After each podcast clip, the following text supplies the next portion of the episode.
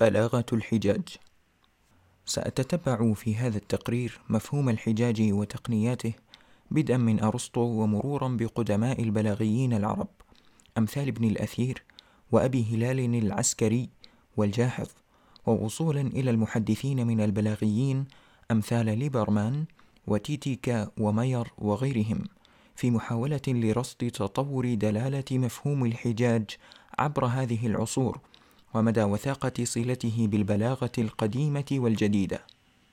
عند أرسطو يعرف أرسطو البلاغة بأنها الكشف عن الطرق الممكنة للإقناع، فهو يربط البلاغة بالإقناع بشكل واضح، وبالتالي ثمة صلة عنده بين مفهومي الحجاج والبلاغة، وتظهر هذه الصلة في الفنون التي من شأنها أن تستخدم الملكة اللغوية في التوجيه والتعبئة وغيرها مثل الخطابة.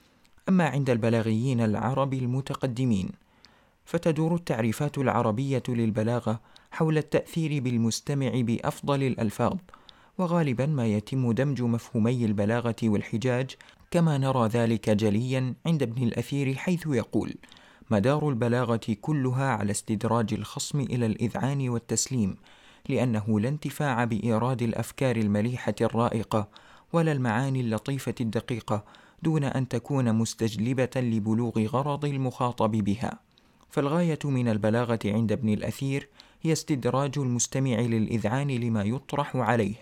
أما بشر بن المعتمر فمفهوم البلاغة عنده أن يكون لفظك رشيقا عذبا وفخما سهلا ويكون ظاهرا مكشوفا وقريبا معروفا إما عند الخاصة إن كنت للخاصة قصدت وإما عند العامة إن كنت للعامة أردت.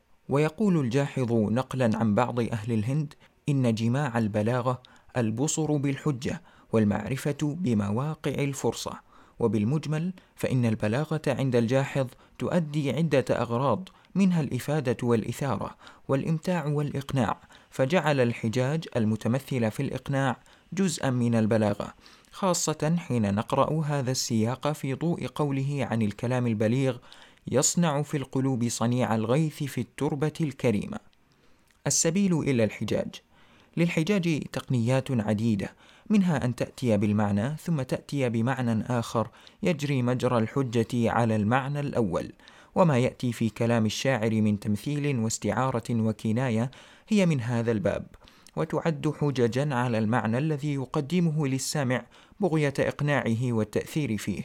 وعليه فإن المعاني في سياق الحجاج يجب أن تكون جلية ومفهومة ونيرة تجذب المستمع وتصيب مقعدا في قلبه ولا يحسن أن تكون مما يلغز على الأفهام ويلوي أعناق الكلام ويترك السامع أكثر ضياعا وحيرة منه قبل سماعه. كما ينبغي لللفظ في سياق الحجاج ألا يكون مستقبحا غريبا. يقول الجرجاني أن تكون اللفظة مما يتعارفه الناس في زمانهم ويتداولونه في استعمالاتهم، ولا يكون الكلام يستحق اسم البلاغة حتى يسابق معناه لفظه، ولفظه معناه، ولا يكون لفظه أسبق إلى سمعك من معناه إلى قلبك. عند البلاغيين المحدثين، عرف ميشيل ماير الحجاج بأنه جهد إقناعي وبعد جوهري في اللغة، أما في البحث التداولي فإن ليبرمان وتيتيكا لا يعدان الحجاج تلاعبا بعقل المتلقي بل الحجاج هو درس تقنيات الخطاب التي من شأنها أن تؤدي بالأذهان إلى التسليم بما يعرض عليها من أطروحات وقد قسم الحجج إلى ثلاثة أنواع.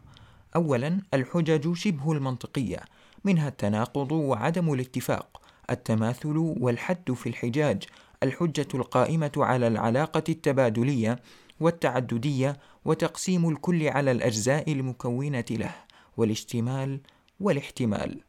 ثانيا الحجج المؤسسة على بنية الواقع. تقوم هذه الحجج على العلاقات التي تربط بين الأشياء والعالم، ومنها العلاقات الكنائية والمجازية المرسلة، ومن هذه الحجج التتابع الحجية السببية والحجة التداولية وغيرها. ثالثا الحجج المؤسسة لبنية الواقع تستند هذه الحجج إلى أشياء مرتبطة زمنيا أو مكانيا أو رمزية ومن الأمثلة عليها حجة الشاهد وحجة التشبيه وحجة المثال وحجة القدوة والمقارنة والتناسب مقاصد الحجاج للحجاج عدة مقاصد يفضي إليه ويقيم بناء على تحقيقها تداوليا. ومن هذه المقاصد أولا المقصدية فكرية أو الإقناعية وهي من جنس ما يدور في المباحث والمناظرات العلمية إثباتا ونفيا ورصدا وتحليلا فيكون القصد منها فكريا في جوهره ويهدف إلى الإقناع في المقام الأول. ثانيا مقصدية عاطفية أو الجمالية تتمثل في غرض الاستجداء أو الاستمالة القلبية لجذب المستمع إلى التعاطف من خلال التقنيات الحجاجية.